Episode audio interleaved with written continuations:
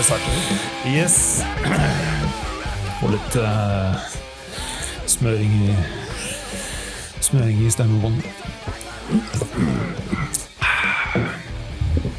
Hei og velkommen Åh, jeg kan ikke si det. Bra.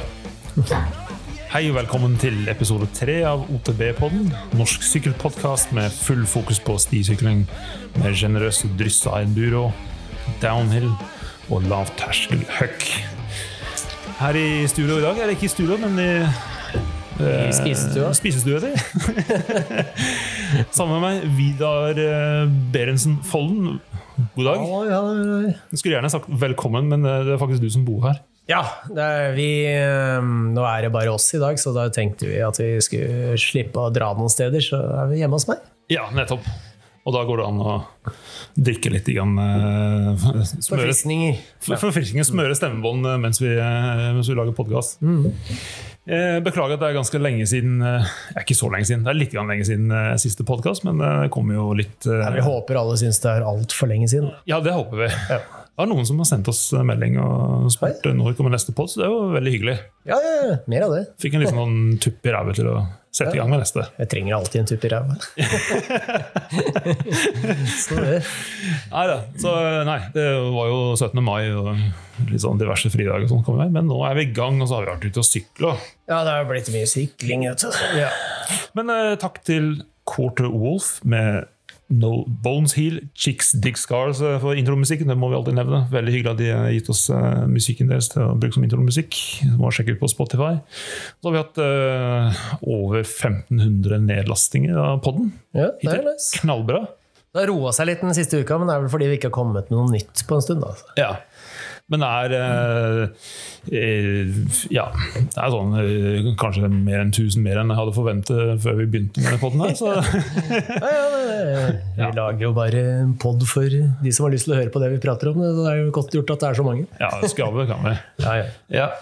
Ja. Så må jeg bare be folk om å like og subscribe eh, til poden. podden. Gjerne gi oss eh, stjernevurdering eh, hvis det går, da. Ja, På Instagram det er jo det er det mest posting der. Går Og litt på sånn på story. Ja, ja, også. gjerne. Så gjerne fol- følg oss på Instagram. Eh, Da finner vi et OTB-podden rett frem. Eh, og så eh, Vi har jo vært eh, ute og sykle siden eh, sist, vi da, Et par ganger. Ja. Det er jo blitt en del eh, sykling på sti. og så kom vi oss til slutt til Drammen. Da. Det kom, klarte ikke å komme den første helgen etter eh, åpningshelgen fordi ja, ting i livet skjer. Ja, Men det var et under at vi kom oss dit. For at eh, du og jeg altså jeg ble nesten, og du ble faktisk løpt ned eh, nærmest bokstavelig talt av Ja. en jogger. Joggere ute i skogen begynner å bli aggressive. Det var veldig spesielt. Ja, det var spesielt. Altså, vi, vi syklet jo opp i Årvollåsen her, som er litt sånn lokal for oss. Og så er det et sted hvor det var ganske godt med plass. Så kommer det tre joggere, og de gikk helt i bredden. Og han ene, og vi la oss til høyre i den retningen vi kom, da, men den ene han sveipa helt opp om oss og, og holdt på å krasje der, James. Og Ja, han var faktisk borti styret mitt. og jeg bare sånn på helt eh, autopilot, og så sa jeg bare unnskyld. For det, jeg håper det gikk bra. Liksom bare slenger jeg Jeg prøver jo alltid å være grei med folk, men eh, han, han, han skjena jo borti oss med vilje. Og, Nei, kanskje han hadde strave skudd på.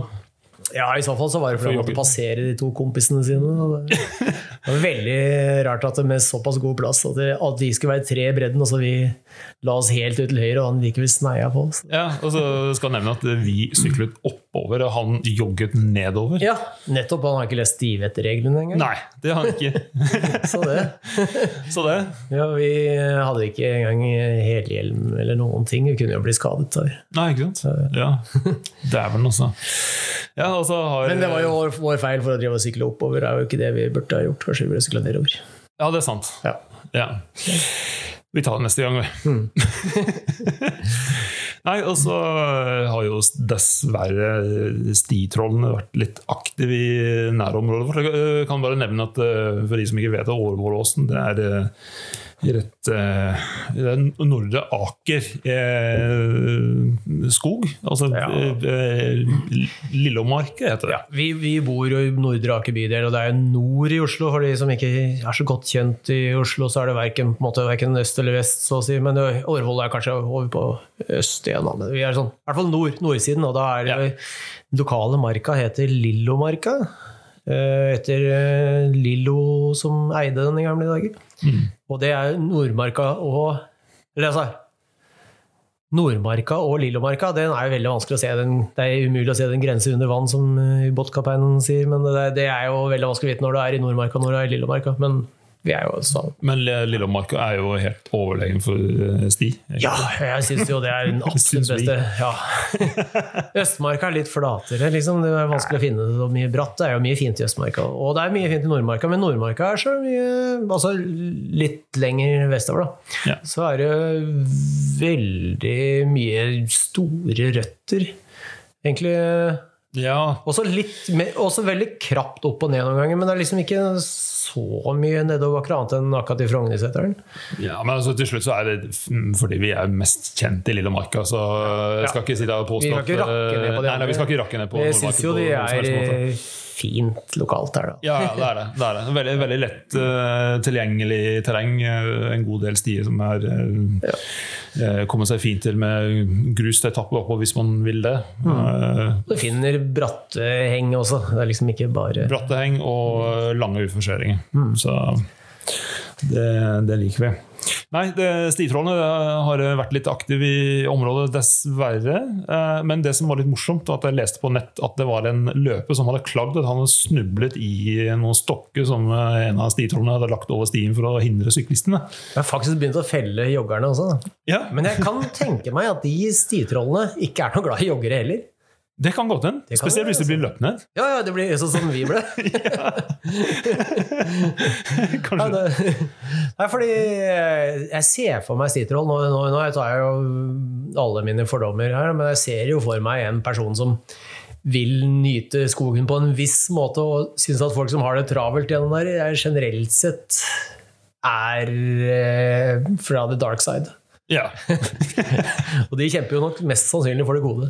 Ja, og veldig ofte de stokkene som eh, i de aller fleste tilfeller som, og de tingene de legger over stien, er eh, bare å løfte forhjul eller en eh, minimal innsats med bunnyhopp, og så kommer man videre uten å bremse eller noen ting. Så det er egentlig litt sånn meningsløst. Men eh, jeg har egentlig en eh, litt mer langsiktig plan om å se om kanskje en podkastepisode så kan vi invitere noen fra en av disse f.eks. Lidomarkens venner eller Østmarkens venner eh, til å være med sammen med NOTS f.eks. For, eksempel, for å ta opp uh, litt problemstilling der. Men det vil jeg eventuelt komme seinere. Ja, krever litt planlegging. Det krever litt planlegging, men vi eh, Det er vi ikke så gode på. Inntil videre så løfter vi forhjulet eller bunnyhopp, eller eh, bare flytter det som står i veien, og prøver ikke å bry oss så mye om det. Men eh, Nesbyen, Nesbyen! Du vet hva, nå da ble det, gladmelding. ja, ja, det er en gladmelding. De, de har fått offisielt NM i uh, enduro. Og da kan vi egentlig starte med å si at det i år ikke bare er det første offisielle NM i enduro, men det er det første, offisielle Norgescupen. Og egentlig startet jo det her i fjor med at eh, internasjonale, eh, internasjonale sykkelforbundet, hva nå enn heter, de eh, begynte å ta opp enduro eh, som en offisiell gren. eh, og dermed så kunne vel sannsynligvis da altså Norge, norske foreningen gjøre det. Altså Ja, i år er det jo faktisk blitt noe av det. Så nå kan du samle norgescuppoeng og vinne fell, sammenlagt norgescup hvis du vil i år. Ja, det skal jo mer til enn vilje for å vinne, da, men jeg kan jo i hvert fall prøve. Eh, Og så kan man faktisk eh, delta i norgesmesterskap. Og Norgesmesterskapet er da i Nesbyen, som er jo en veldig verdig arena. De har jo hatt eh, EVS, altså Enduro World Series-kvalifikasjon flere ganger. Det er jo da noe du gjør for å få poeng til å kunne være med i Enduro World Series. Mens eh, Fordi ja, det er jo litt begrensede plasser av og til. Mens det, og det blir det også i år, så jeg. Eh, Og Nesbyen er jo, er jo noe av det brattere vi har av veldig tilgjengelige stier. Da. Det fins jo enda brattere, det fins jo fjell du kan hoppe ned, men eh, stier du faktisk kan kjøre. Vingedrakt. Uten vingedrag. Eh, og jeg må si at eh, jeg har aldri syklet enduro i Nesbyen, faktisk, men jeg har syklet der flere andre ganger. Og det er helt sjukt gøy. Det er utrolig underholdende. Men da må jeg si at det første enduro-rittet jeg var med på, det var Nesbyen. Ja, du debuterte der, faktisk. Ja, og det, da, slik skjer når du sender en melding til Knut Lønnekvist, som er eh, en av de i Trailhead Nesbyen. Ja, Som er eh, da noen sånn primusmotorer både for stibygging og Nettopp. eh, arrangementer der. Og jeg vet ikke så mye om Jeg kjenner til han, snakker med han flere ganger, men jeg vet ikke så mye om han. Men jeg tror han har sykla downhill. Og han er Han var jo Sykt rask på sykkel. fall. Han er rask, ja. Han er, han er utrolig dyktig syklist. Så når du sender en melding til han og så spør eh, hvilken enduro-konkurranse eh, skal jeg begynne med det, Nei, jeg tror jeg spurte hvilken er det morsomste. Så jeg sa ikke noe om at jeg var nybegynner eller hadde begynt med stisykling bare for et par år før. Og sånt. Og så sier han Nesbyen, selvsagt. og så første etappe, så jeg tror jeg hadde tida mi var sånn 17 minutter eller noe sånt. Det er jo totaltiden på veldig mange ritt. Eh, ja, altså, nå husker jeg ikke akkurat, men jeg tror Zakka vant, ja, altså Zakka vant eh, enduroen, eh, men eh, tida hans på første etappe det var på litt over ti minutter. eller noe sånt, så han slo meg med sånn åtte minutter. Ja, men det, det var jo en utrolig lang etappe. Ut av, utrolig lang etappe helt fra toppen av en av de fjellene nesten ned til byen.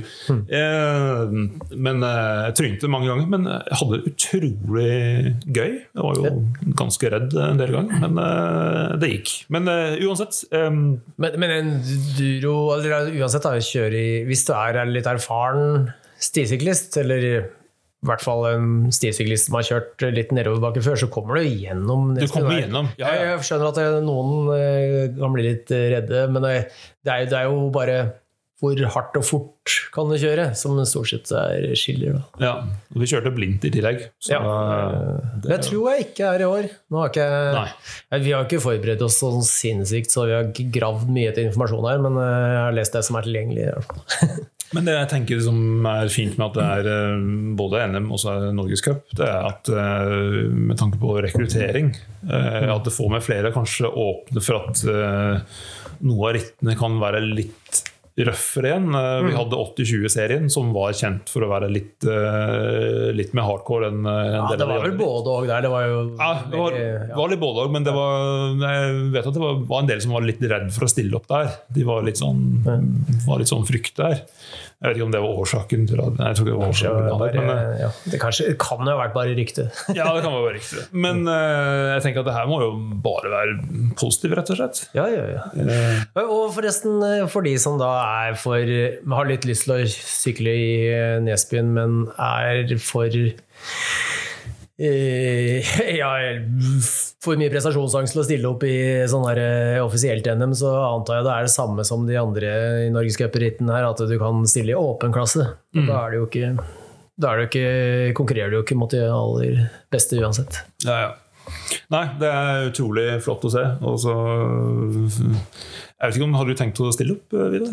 Jeg har veldig lyst da. Jeg har faktisk ikke syklet enduro i Nesbyen. Jeg har vært påmeldt et par ganger. ene gangen så tren, det var, jeg var jo Team Lett, og da trente jeg mye mot Winfeld. Og det var gjennom bare med tanke på Nesby enduro. Og så var det 17. mai rett før. Og så var det en av de jeg var feiret sammen med, han hadde kjøpt seg en BMX-sykkel. så litt utpå Ok, Nå lurer jeg på hvor du skal med den historien. Litt utpå kvelden her, så kom den frem, og så begynte jeg å dra noen enåtter og hoppe litt på noen fartsdumper utafor huset og sånn. Og så begynte jeg Hei, det altså, da, da, var det, da var det mange år siden sist jeg hadde sykla BMX. Og så ja, jeg kom det ene trikset etter det andre, og så plutselig så øh, glapp jeg styret på en eller annen måte. Og så lå jeg og brist, med brista ribbein over, over styret. Er det sant? Ja, ja, ja, det er sant. Det har jeg aldri hørt om. Ja, nei, jo, jeg tror jeg nevnte det kanskje. Sikkert. Jeg har glemt det. Ja. Men det er fantastisk. Ja, ja, så jeg var brista ribbein. Altså da, det var jo ikke sånn at det ikke mulig å sykle med brista ribbein. Jeg følte ikke at det var en hyggelig ting å sykle to dager med bristet ribbein. Nedtur. Ja. Skikkelig nedtur. Ja, ja. Ja. Men, men, men. Så jeg har nesten, nesten vært med i Nesbyen Enduro. ja. Jeg er nære. Jeg tenkte umiddelbart at jeg må melde meg på, men jeg merker at eh, pulsen stiger, eller pulsen steig med, i det øyeblikket jeg leste meldingen på Facebook at de skulle ha NM der. Ja, altså, eh, for å være helt ærlig jeg, Skikkelig stressa. Ja, jeg, jeg, jeg, jeg håpte litt at Drammen skulle få det, fordi jeg hadde allerede tenkt å melde meg på Drammen Enduro. Ja. Og det er jo et veldig veldig koselig ritt å være på. Og hvis det hadde vært NM i tillegg, så hadde på en måte alt vært ferdig. Så kunne jeg vært ferdig med konkurranse. Og jeg er, egentlig, jeg er egentlig ganske glad når jeg, når jeg er ferdig med konkurransen, så kan jeg bare konsentrere meg om moro og freeride og begynne å lære meg noen triks. Ja. litt sånne ting. ja, ikke sant. Får får det overstått tidligere tidlig Ja. i sesongen. Men nå ble Drammen Duro utsatt, og da er det ikke mer enn Ja, men det blir 14. august, og det er jo kanskje litt dumt for deg som er på ferie. Ja, Men, jeg, jeg er på ferie. ja. Men, men for meg så begynte jeg å tenke at uh, det er vel da bare to-tre uker, tre uker kanskje før Nesbyen. Og da får jeg i hvert fall konsentrert dem på samme tidspunkt, så slipper jeg liksom og tenke konkurranser så lenge. Da kan du varme opp jeg, i Drammen, og så Ja, så kan jeg bare ja, sånn varme opp i Drammen for det ene, men for det andre så slipper jeg Altså, de siste ukene rett før konkurranse er eh, Jeg vet ikke, jeg blir litt stressa. Føler føler at jeg må eh, holde meg i form og sånne ting. Nå kan jeg utsette den tanken ganske lenge og bare kose meg. Ja. Og, og, og sist fjor, koronaåret Du og jeg vi hadde jo ikke tenkt å være med i noen konkurranser i hele tatt. Nei, vi fikk uh, en plass i siste liten Ja. eh, knapt en uke før. Lagt ut ekstrabilletter helgen Ja. før, og da bare Hæ, kanskje vi kjøper billett til Drammen Duro? Og så ble vi med. Da hadde vi ingenting av det konkurransenervene og ingenting forberedelser, ingen ekstra intervaller eller noen ting. Vi, hadde bare, vi hadde vært i Drammen en god del, men vi hadde ikke syklet ut til de der enduro-løpene. De, de som ikke kjenner til det her, det vet jo kanskje ikke at eh, du holder ikke å kjøre i alpinanlegget i Drammen for å kjøre Drammen Duro-løypene. Du må sykle en sånn 20 minutters tid fra toppen utover mot siden. Ja. Uh, og da får du jo ikke, hvis du er her for å kjøre heis, da, så får du ikke så innmari mange runder i løpet av en dag. Men du kan kose deg utrolig med altså, La oss si tolv runder i alpinanlegget, og så får du kanskje da tre runder utafor, hvis du vil. Ja, ja, ja, ja, nettopp. Og de stiene er jo helt fantastiske, så på en måte er det verdt det. Men øh, hvis du bare skal kjøre mye, så er det jo mye stier som er ganske kule i anlegget. Altså. Ja, og så er det så mange stier der at øh, nå, når de setter opp eh, løype for enduroen, enduroen, så er det vanskelig å vite akkurat hvor det er og hvordan de skal legge an løype. og sånn, Så det blir jo på en måte blindt. Ja. Ja, Så godt det kan bli. Yes, yes. Men eh, apropos trening, Vidar. Du har Trening. fått eh, ny sykkel som, eh, med litt eh, hjelpemiddel. Ja, ja, altså jeg ble jo litt sterkere med en gang. Eh, Det var jo faktisk eh, mekanisk doping. Nei, faktisk i, i fjor høst så fikk jeg det for meg å bestille en Orbea Rise, som er en Og den, den kom i dag. Eh, Det er en eh, lett elsykkel, kan man si. Eh, Den, den veier jo med pedaler alt sammen, og så fikk jeg det opp i 19 kilo. Så det er jo Men ikke før du går videre, jeg må bare spørre for du, eller, du måtte ofre noe ganske Ganske vondt for å Ja, få sant. den sykkelen din. Det, skal vi rippe opp i den historien? Jo, jeg, jeg har jo eh, i en del år mellom kanskje BMX-tiden og den mest ivrige delen av stisyklingstiden, så kjørte jeg en del racing med bil. På stort sett asfaltbaner som Rudskogen og Vålerengbanen og sånt. Og da bygde jeg opp en Subaru Impresa eh, som startet som en VRX, men nei, alt bygd. Motor, eh, understell og bremser og alt sammen. Håndbygd og hadde en sponsor som hjalp meg litt. eh, For det fordi jeg greide å vinne litt sånn klubbritt og sånn. Jeg het ikke ritt, da. Ja. Så i hvert fall uansett, da. Det ble veldig mye, veldig mye investert veldig mye tid og veldig, veldig mye penger. det er dyrere hobby enn sykling, i hvert fall. Så, men eh, kona har jo ikke vært superglad i den bilen, egentlig. Noe særlig tidspunkt eh, etter at den ble ombygd. Eh, og det var jo kompromisset. Det var jo at jeg kunne kjøpe en elsykkel hvis jeg solgte den. Så det skjedde i høst. Det er liksom Vanligvis så sliter man med å selge sykkelen eh, for å erstatte med en annen sykkel. Og, ja, Ja, ja. Egentlig lyst til å beholde begge to, men eh, nei. Jeg skal si at Den Subaruen den har jo for så vidt eh, ikke vært brukt ordentlig på mange år nå. Bare en sånn liten testrunde i ny og ne. Ja, og det bytte ut over 500 hester med 500 hester med knapp 250 watt. Under en kvart hestekraft. Uff a meg. Nei, nei, nei. Ja, det er vondt. Ja, har nesten så gråt en liten tåre da jeg hørte at du hadde solgt den. ja, altså, barna gråt. Uff. Nei, gjør de det? Ja, Han ene var helt utrøstelig. Stakkars, altså. Det er ingen som gråter når du selger en sykkel? Nei, ikke ennå i hvert fall. Det kommer vel å komme noe en eller annen gang, kanskje. Da må jobbe litt med det. Ja, ja. Ja, Men hva, hva, hva skal du altså, eh, Hvor eh, grov er sykkelen, og Ja, det er- hva skal du med den egentlig? Videre? Ja, det er et godt spørsmål.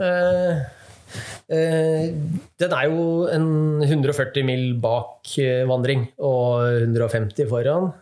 Og det er jo da Så er sånn mellomgrov, da. Ja, den, den er jo den der er det, Orbea Occam som det er en elektrisk versjon av. Og det er jo en sånn stisykkel som er egentlig ganske sånn tråkkeeffektiv og lett. Mm. Eh, Så den føles Selv om 140-150 kunne vært eh, helt enduro, så er følelsen ikke sånn veldig enduro, egentlig. Men men den føles kapabel, da. Jeg tok en første tur i dag, 40 minutters prøvetur, egentlig bare. Eh, Det Nå har jeg jo ikke satt den opp så helt ordentlig, da. men jeg har bare pumpa opp til riktig seig og sånn. Eh, Men jeg følte at jeg kunne kjøre, kjøre alt. Men jeg følte ikke at jeg kunne kjøre alt skikkelig fort. Ja, skjønner. Så, men så på den annen side fikk jeg fikk til en del av det som egentlig var planen. Det er en sånn flerdelt plan, og det er jo at jeg kan utforske litt mer. Jeg er alltid, jeg er alltid jeg er så litt sånn eh, energieffektiv. Jeg vil, hvis jeg syklet opp en lang oppoverbakke, så vil jeg sykle fet nedoverbakke. Ja. Så det er ikke alltid at jeg orker å teste noe som jeg er veldig usikker på om kommer til å føre noe sted hen. Da. Så mens eh, med elsykkel så føler jeg at jeg kan utforske litt. Og det er det ene. Eh, Og så er det liksom det andre er rett og slett at den her er jo en type stimaskin, egentlig. Altså, den føles veldig Når jeg gjør ting og kjører den, så føles den veldig som en normal sykkel. Det er vel en litt sånn svakere elsykkel. Ikke Ja, helt for vekten er ganske lav på den i forhold Ja, til sant? det man pleier å forbinde med hvor mye en, en elsykkel pleier å veie. ja, ja, i hvert fall fem-seks kilo lettere. Det var totalvekten på den, Sier. Altså Med pedaler og alt sammen, så ble det 19 kilo. Men det skal gå an å få den ned i sånn 16,7 eller noe sånt. Wow. Men, men, så det er jo litt over en eh, endurosykkel. Mm. Men øh, eh, jeg, jeg tenker også at det er som, som bare sti, stitur av og til. Men eh, det, hovedsakelig er det som tenkte at uh, trening på lav intensitet kan jeg nå gjøre med en ordentlig stitur, og jeg kan liksom bli teknisk flinkere mens jeg trener etter 80-20-regelen. jeg, jeg kan kjøre turer og stisykle ordentlig, liksom, og likevel bare holde intensiteten på et kontrollert nivå. Så Ja, jeg, jeg tenker at det, så, lenge jeg har, så lenge det fins tid, da, så kan jeg putte inn mer tid. Problemet mitt er at det selvfølgelig aldri fins tid. Ja, for Da jeg hørte at du skulle kjøpe den eh, Da du fortalte at du skulle kjøpe en elsykkel, så tenkte jeg at det er jo fryktelig usosialt for oss andre. Så. Jo ja, det blir jo vanskeligere å ta. Men det, er- det, er, jo forutsetter jo på en måte at, jeg- at jeg konverterer til å bare sykle elsykkel, men det ser jeg jo ikke for meg i det hele tatt, egentlig. Jeg ser jo for meg at jeg tar den på disse aleneturene, som jeg ofte har en del av uansett. Ja, Så det blir jo egentlig litt sånn som jeg gjør på Ja, du så på Yetien. Ja. Det er veldig usosialt om du hadde syklet den derre det Yetien din er en sånn 100 Yeti SP100. Det er, SP100. Ja, så det er en ganske rask sånn stirakett på, med 100 mm. Ganske aggressiv. Vi har 120 foran og 100 bak.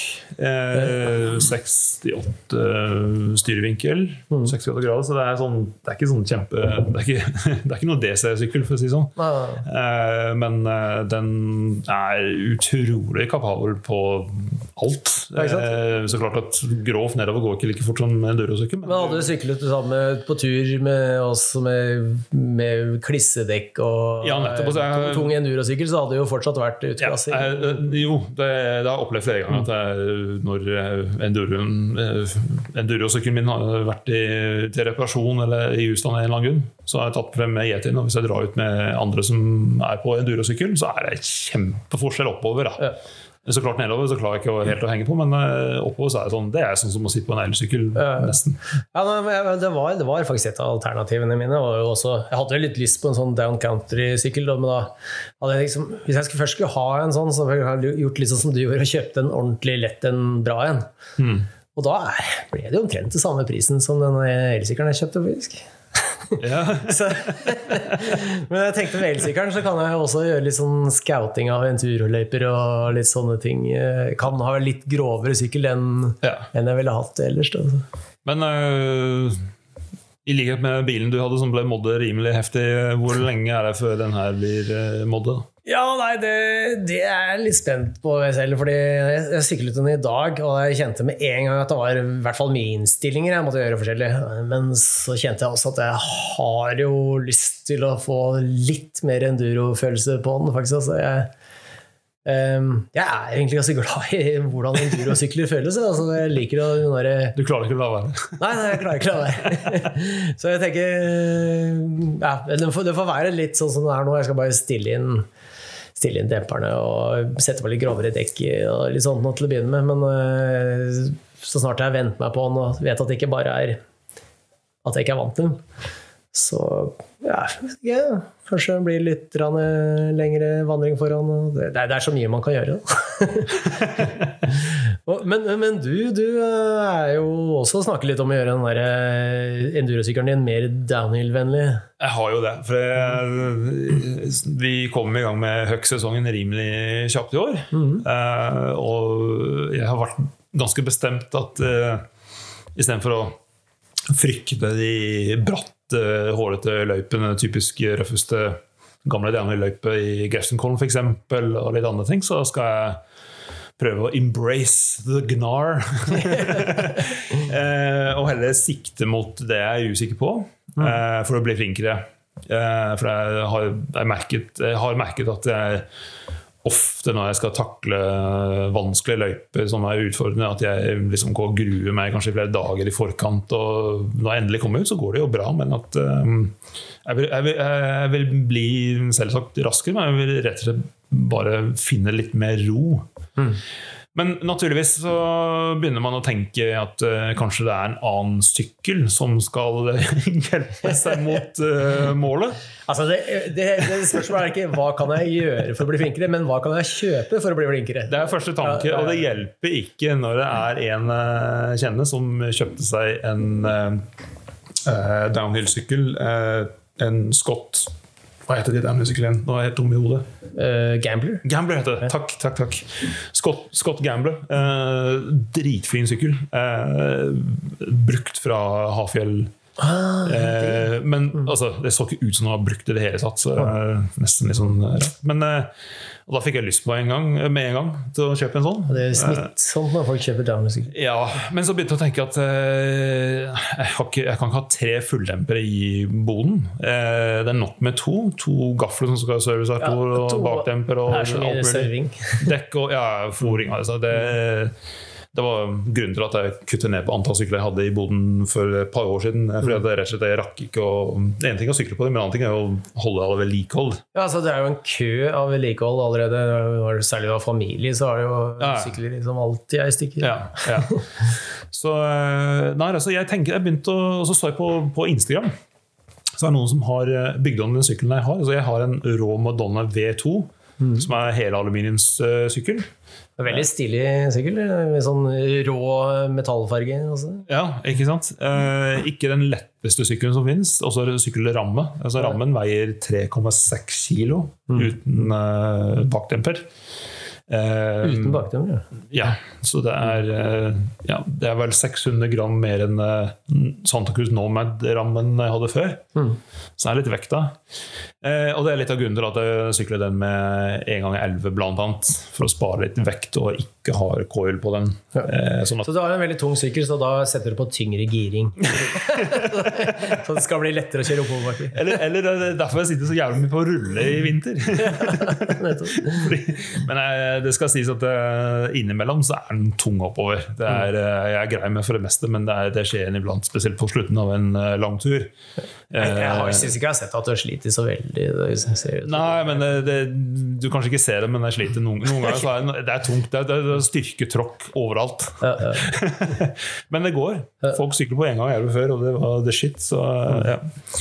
Men eh, nei, jeg tenkte å kanskje sette på en downhill-gaffel foran. Mm. Også, jeg, jeg kan kanskje si at tanken er å ha et, eh, hva skal jeg si, et oppsett i boden som gjør at jeg kan raskt bytte over til at den blir en sånn lett downhill-sykkel. Da blir den veldig lett. Det blir på en måte freeride. eh, Down Duro, er ikke det de Down Duro, ja. Ja. I gamle dager så ville jeg vi kalt det freeride-sykkel. Fordi Ja. de var jo sånn der folk skjøv opp i skogen for å hoppe noen drops og. Og da begynte tanken å rulle at eh, da kunne jeg tatt det et steg videre. og det er jo 29 oppsett foran og bak, og så kunne jeg kanskje bygge, til, bygge om til Altså ha møllet bakhjul. Ja, ja.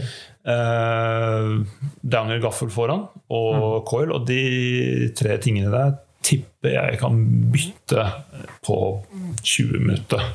Ja. Hvis jeg har eh, Du må skru over bremser og sånn. Forbrems. Ja, men det går rimelig kjapt, da. Ja. Tror jeg. Jeg tror alltid det går alt går kjapt. Jeg sier 20 minutter, så i realiteten så har det sikkert gått over en time. Men, mm. så det var jo Fin, fin tidspunkt å høre på podkast, da. Ja. Nettopp. Og så er det 160 eh, vandring, millimeter vandring bak. Men jeg kan eh, long strokes. Altså, så, Ja, og, og det har du gjort, Vidar, på ja eh, jeg longstroka jo eh, mye. For, Forklar hva long stroke er, Ja, okay. eh, det er jo Altså eh, Stroke, altså vandringen på en bakdemper det, eh, det, det, det er en ja, La oss si på Megatoweren så er jo den da 57,5 millimeter. Og så blir jo det Når du ganger det gjennom Når du kjører det gjennom det bakhjulsopphenget, så ganges det med en viss faktor, så blir det 160 mm vandring på hvordan, hvor langt hjulet veger seg opp fra bakken før det bånder tepar. Jeg, jeg nikker, og jeg henger med så vidt. Ja, altså, så selv om en sykkel har 160 mm vandring, sånn som din, så, så er kanskje bare slaglengden, stroke, slaglengden på demperen er kanskje 57,5. Eh, Så hvis du setter på da, gjør den så det blir 60 mm, så har du da altså ja, 2,5 mm til. Eh, Men på slutten av vandringen så er det kanskje ganske progressiv. Kanskje, kanskje det 2,5 mm fører til at du får 7,5 mm mer vandring. Da, da er du oppe i 167,5. Så hvorfor stopper, stopper man der hvis man kan gå litt videre? Det er nok eh, flere gode spørsmål på, men på Nomaden jeg hadde, der longstroka en, eh, eh, demperen med 5 mm fra 60 til 65. Og det er jo ganske enkelt å teste. Jeg, har jo coil, jeg bare tar vekk coil-demperen. Og ser hvor langt den er i bunnen, og ser at ikke bakhjulet toucher. Så har du kanskje da litt mer krav til at du ikke plutselig setter på et veldig mye større dekk. Ja. Fordi du ser at det kommer ganske nærme der hvor setepinnen sitter. Men med eh, 27,5 bak, Ja, så får man litt Så, så hvis du setter 27,5 bak på din, så kan du sikkert longstroke ganske mye, tipper jeg. Nettopp. Og så er det andre faktorer. Du, du, du har jo justerbart eh, kjedestag. Altså, Ja. for de som ikke vet akkurat hva kjedestag er, så er det liksom lengden fra, fra kranken til der hvor bakre hjulakslingen er. ja. Altså jo lengre, jo mer stab stabilitet. Ja, jo leng lengre hjemme, på mer stabilitet, hvis jeg ser rett frem, da, så er det jo forskjellige effekter i svinger. Men og lengre bak vil også gi at du får mer vekt på fronten, hvis du sliter med fronten. Ja. Så mange liker jo nå siste året, siste ett og et halvt året, har det blitt litt trend å gå litt lenger bak triangel. Men det, det også vil jo sette hjulet ditt mye lenger bak. Sånn som jeg på min Megatower også justerbart litt der. og da jeg, jeg kan justere høy og lav. Det er veldig liten forskjell på høy og lav, faktisk. Men, eh, og så kan jeg justere lang og kort bak. Men nå, akkurat nå så har jeg en både kort og lav. Og det vil si at det er minst mulig evne Og jeg har 29 tommer, så jeg kan ikke longstroke så veldig. Men 2,5 mm det, Jeg kan ta en originaldemper fra Nomaden som er 2,5 mm lenger, og sette den inn. Og det, det, var greit, det var greit fra Santa Cruz sin side. Da. Og da er jeg faktisk allerede ikke 160. Nå har jeg ikke giddet å regne på det er sikkert 165, 167 eller noe sånt bak allerede. Og i hvert fall, det kan jo du eksperimentere med. Det fine med coildemperne i metriske coildempere, er at eh, de er i samme lengde Altså, jeg, fulle lengde fra øye til øye er jo 230 og sånn. Men slagelengden er det samme på alle, du bare tar vekk spacere. Ja. Så du kan fjerne Jeg, jeg er jo coil-løper, jeg kan jo legge til å fjerne spacer og flytte på det der hele tiden. Hvis jeg vil. Men det, ja. Så det, for de som ikke hang med der, du kan sette på lengre vandring på demperen uten at det nødvendigvis må sette på en lengre demper. Den går bare lengre i bunn. Ja.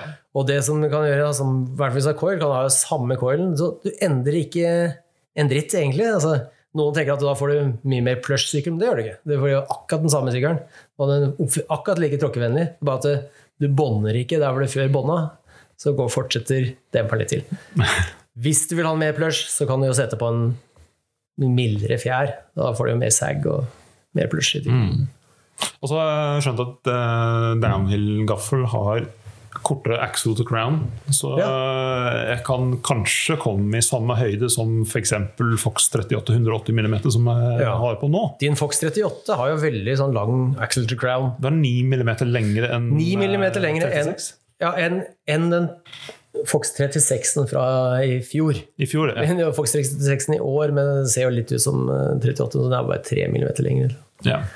Men uansett, eh, i forhold til en, de korteste, letteste downhill-gaflene, så tipper jeg det er sånn 20 mm forskjell. Så jeg tipper din 180 og en downhill-gaffel med altså en dobbelt krone Det var RockShox WC eller noe sånt. da. Jeg tipper du kan ligge på 20 mm. Jeg tipper du kan ha 200. Nå har ikke jeg dobbeltsjekka det, men jeg tipper det kanskje til og med kan bli lavere. Så hvis du skal ha enda høyere fordi du skal ha møllet og lite bakhjul, så kan jeg sette for enda. Men i hvert fall tanken er å lage en sykkel som er eh, som er møllet oppsett, eh, som er eh, kanskje litt mer eh, lekent, eh, spesielt i Mm. bikepark, for sykkelen min er ganske lang. Eh, og så eh, ha noe som er litt mer sånn Huck Park-vennlig. Men tanken er ikke å ha noe som jeg skal drive og tråkke rundt Lille Marka med. Eh, Så det er jo egentlig bare litt sånn interessant eksperiment uh, eh, istedenfor å kjøpe en sykkel til. Ja. Eh, Men samtidig så jeg har en sånn, I bakhodet så tenker jeg at det er eh, vi snakker ofte om det, at det er mange som overbike for å føle seg tryggere. Eh, så Det er det, det vi sikter mot nå. ja. Men hva er overbiking? Er det sånn at det ikke er mulig for deg å kjøre så hardt at du kan bruke det? Nei, det er jo bare å kjøre hardere. Det er det. Det er jo Altså, det. jeg har hatt 180 mm gaffel, jeg bånda den plenty. Ja. Jeg, bånda- jeg leide en downhill-sykkel i Hafjell i fjor. Det var veldig gøy. Egentlig første gang jeg har gjort det. Og bånda den mye. Det er morsomt når du bånder en downhill-sykkel, at du får jo den Bakdekket subber alltid i setet. Så, får du- så du vet når det bånder. En liten bekreftelse. Ja, ja, en liten bekreftelse. Ja. Første gangen så blir du skremt som bare, men etter hvert så begynner du å verdsette det litt. Ja, tøft. Men det er i hvert fall en jeg kjenner som har uh, kjøpt seg downhill-sykkel. Men han får ikke brukt den i år. Men en jeg kjenner som har uh, kjøpt downhill-sykkel, som ikke får uh, brukt den i år, dessverre, er Rolf Eriksen. Uh, for de som følger oss på Instagram, så la jeg ut en post om med Rolf som satt oppå en eh, sånn anleggsmaskin eh, for ikke så lenge siden. Han, han er en tøffing. Han er, eh, jeg skal ikke si akkurat hvor gammel han er, men han er eh, en del eldre enn en del. Han, han er noen år eldre enn oss. Da. Eh, henger fortsatt med, kjører alt som vi kjører, og er hacker og kjøper seg downhill-sykkel. Men eh, han var sinnssykt uheldig i bunnen av uh, Grefsenkleiva. Også, vi er ikke helt sikre på hva som skjedde, men han uh, tror vi, Han, han sjøl er ganske sikker på at han hoppet uh, Han kjørte for, for sakte Ja. på trehoppet. Det er en sånn eh, halvhøyt, småhøyt eh, dropp der som har en flate de må over. Altså en, en ja, Du må liksom Jeg kan jo si at det er gap, men det er jo bare en flate. Men hvis, ja, det tror, Ja. det tror kanskje, han tror selv i hvert fall at han har landa på den flata. Ja, Og så altså, spratt opp igjen. ikke sant? Også, også, det, er ikke, det er ikke bare landingen, men altså, du lander, og så er det kanskje 20-30 meter, og så kommer det en liten dropp på kanskje en meter eller et eller annet. Ja, Det er vel ikke 20-30 meter til Det er, altså, i hvert fall også et par, par, det er par, ja, ikke sant, det er et par steg til etter Ja, at du er lander. sånn. Altså. Hvis du ikke lander, så, så er det jo flere steder å falle. Ja, altså Han har jo eh, landet sannsynligvis i altså hoppet med for lav fart. Landet, eh, fått rebound, gått over styret, og så landet eh, til slutt langt ut på skibakken. Og så brakk han nakken, rett og slett. Men eh, han, han er frisk og opp og gå og, og blir bedre. Men eh, i hvert fall vi ønsker han veldig god bedring. Ja. Det var litt synd. Um, Ser han er ute og spaserer turer istedenfor ja, og han, eh, han har også vært ute på landeveissykkel allerede. Så med, med Ja, krager på. så han er en tøffing, han Rolf. Ja, Eh, og så har eh, jeg og Vidar Vi har sannsynligvis sett årets høkk allerede i Drammen. ja, det er jo vanskelig å slå det. Jeg vet ikke om det var så godt å se på.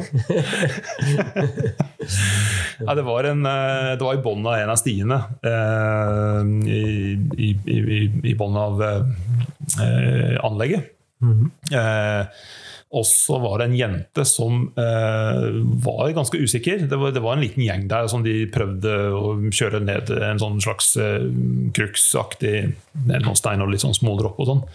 Og så var det en jente som var sist i en gjeng som skulle ned, og hun trakk seg på vei ned.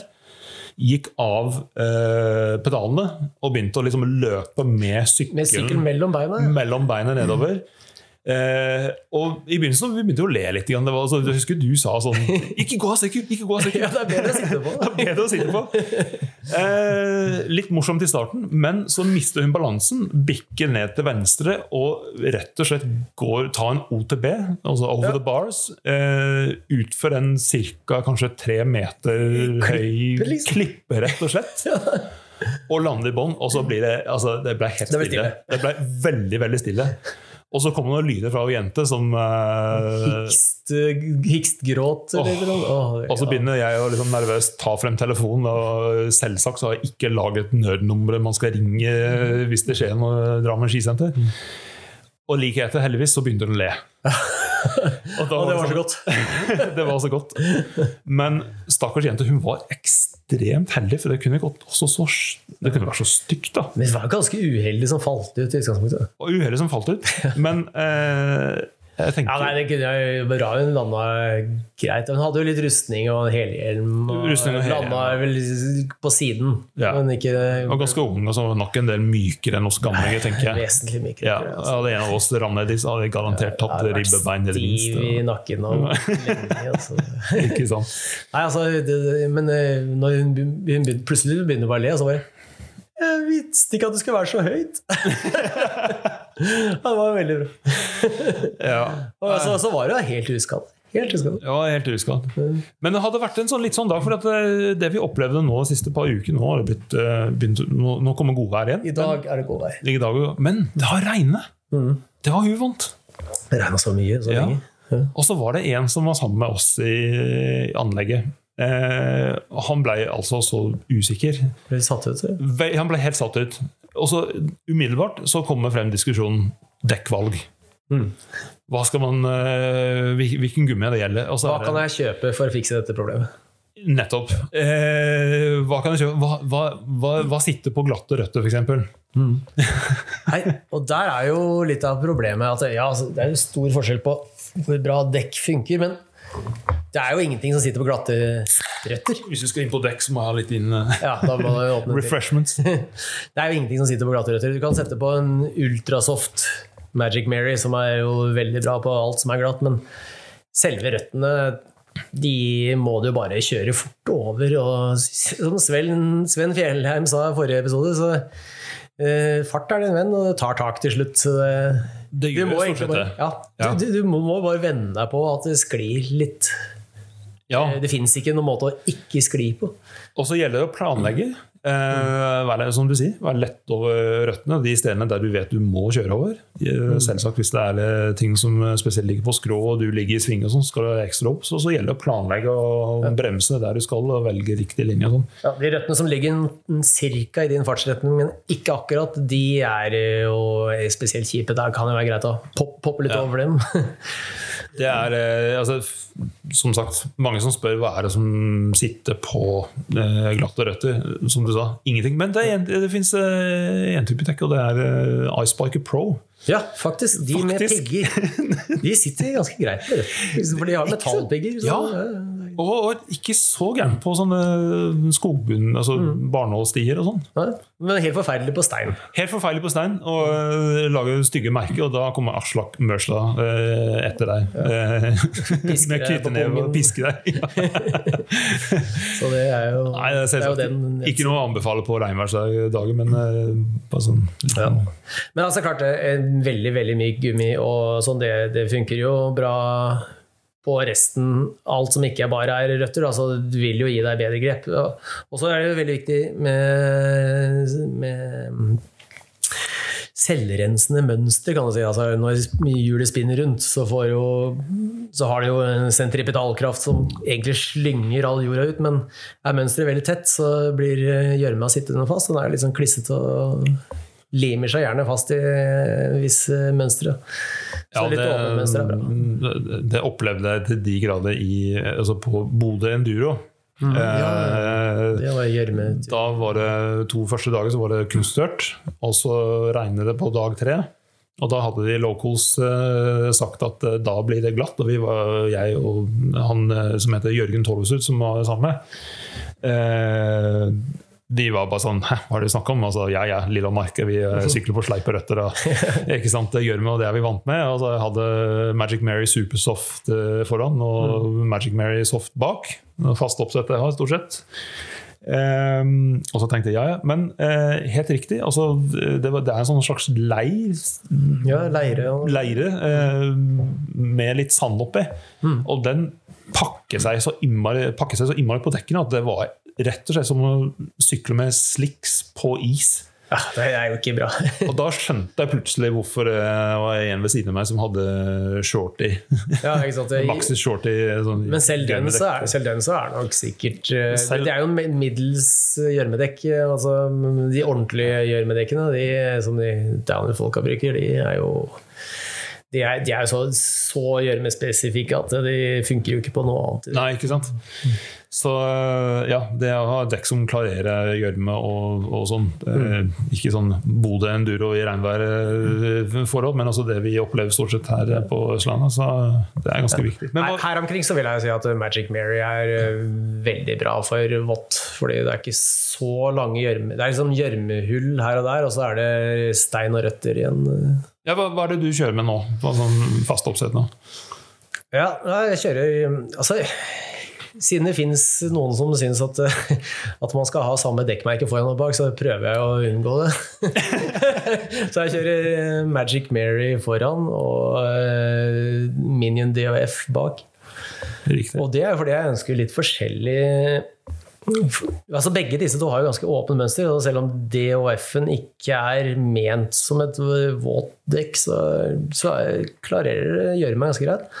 Men det jeg ønsker, er jo litt forskjellige egenskaper foran og bak. Foran så vil jeg liksom at det, det skal være ganske forutsigbart og jevnt hele tiden. og Jeg vil liksom ikke jeg vil ikke ha en sånn glisone på akkurat off-camber hvor, hvor selvtilliten forsvinner. Jeg vil liksom vite at eh, fordekket er der det skal være. Mens bak så liker jeg jo egentlig mer sånn som DOF-en gjør, at den glir litt i begynnelsen av svingen, og så tar det skikkelig tak. Fordi det er veldig god støtte i sideknastene. Og så er det sånn stor kanal som samler opp jord mellom midtknasten og sideknasten, så samles det liksom litt jord, og da får du litt ekstra godt grep med DOF-en. Så det, det, det, har du kanskje sett når vi har ute og kjørt nå. altså kjører ned et eller annet og skal ha ned i en sving rett etterpå, så liksom tar jeg litt fart, og så bare prøver jeg bare å bruke muskler og klemme sykkelen inn i en sving. og det funker jo veldig bra med DHF-en, syns jeg. Eh, så ja, jeg liker egentlig kombinasjonen av Magic Mary foran og DHF bak. Men Magic Mary du har foran, det er ikke den altså nyeste Magic Mary-type? Nei, nei. Eh, fordi jeg prøver jo å spare vekt der det går. Og jeg har jo sånn insert som er ganske bra, så, som også gir en god demping. Men de nest nyeste Magic Maryene de er jo mye lettere enn de nyeste. Eh, de veier jo ja, de? Syv, altså I 27,5 så var det 790 gram, nå er det vel, og 29 er jeg over på nå, så er det vel litt litt over 800 gram, kanskje. Mm. Og det er jo veldig lett for et så grovt dekk. Ja. Og det triller faktisk ganske bra. Men da ikke med supergravity? Da var supergravity over en kilo? Nei, nei, nei, jeg har bare um, Foran så greier jeg godt å kjøre med snakeskin-tingene så lenge jeg har inserts inni. Ja. Mm. Uh, og om man skulle punktere, så kan jeg alltid kjøre til mål på inserten. Ja. Jeg har noe som heter Mr. Wolf Banger 2.0. Som er som, Hvis det er bare sånn ca. halvparten av det de påstår på egenreklamen, er sant, så er det sinnssykt bra. ja. Nei, jeg kjørt med altså, Før så var jeg veldig eh, dekk eh, eh, Kanskje man kan si nerd, men jeg tenker sånn eh, altså, jeg bytter dekk hver gang jeg sykler, nærmest. Altså, jeg hadde regnværsdekk, jeg hadde semi-regnværsdekk, hadde gjørmedekk, jeg hadde tørrdekk. Altså, du er villig til å skru og mekke? Ja, altså, jeg, jeg, det er ikke kødd. Jeg bytter dekkene, dekkoppsettet nesten hver gang jeg sykler. Og så hadde jeg med meg digital dekkmåler og drev og måle dekktrykk hele tida. Og ble helt nøye på det. Mm. Og så gikk jeg selvsagt lei av det, og ble overhodet ingen fordel i det hele tatt. På den måten at Eh, jeg ble aldri kjent med de dekkene jeg hadde på sykkelen.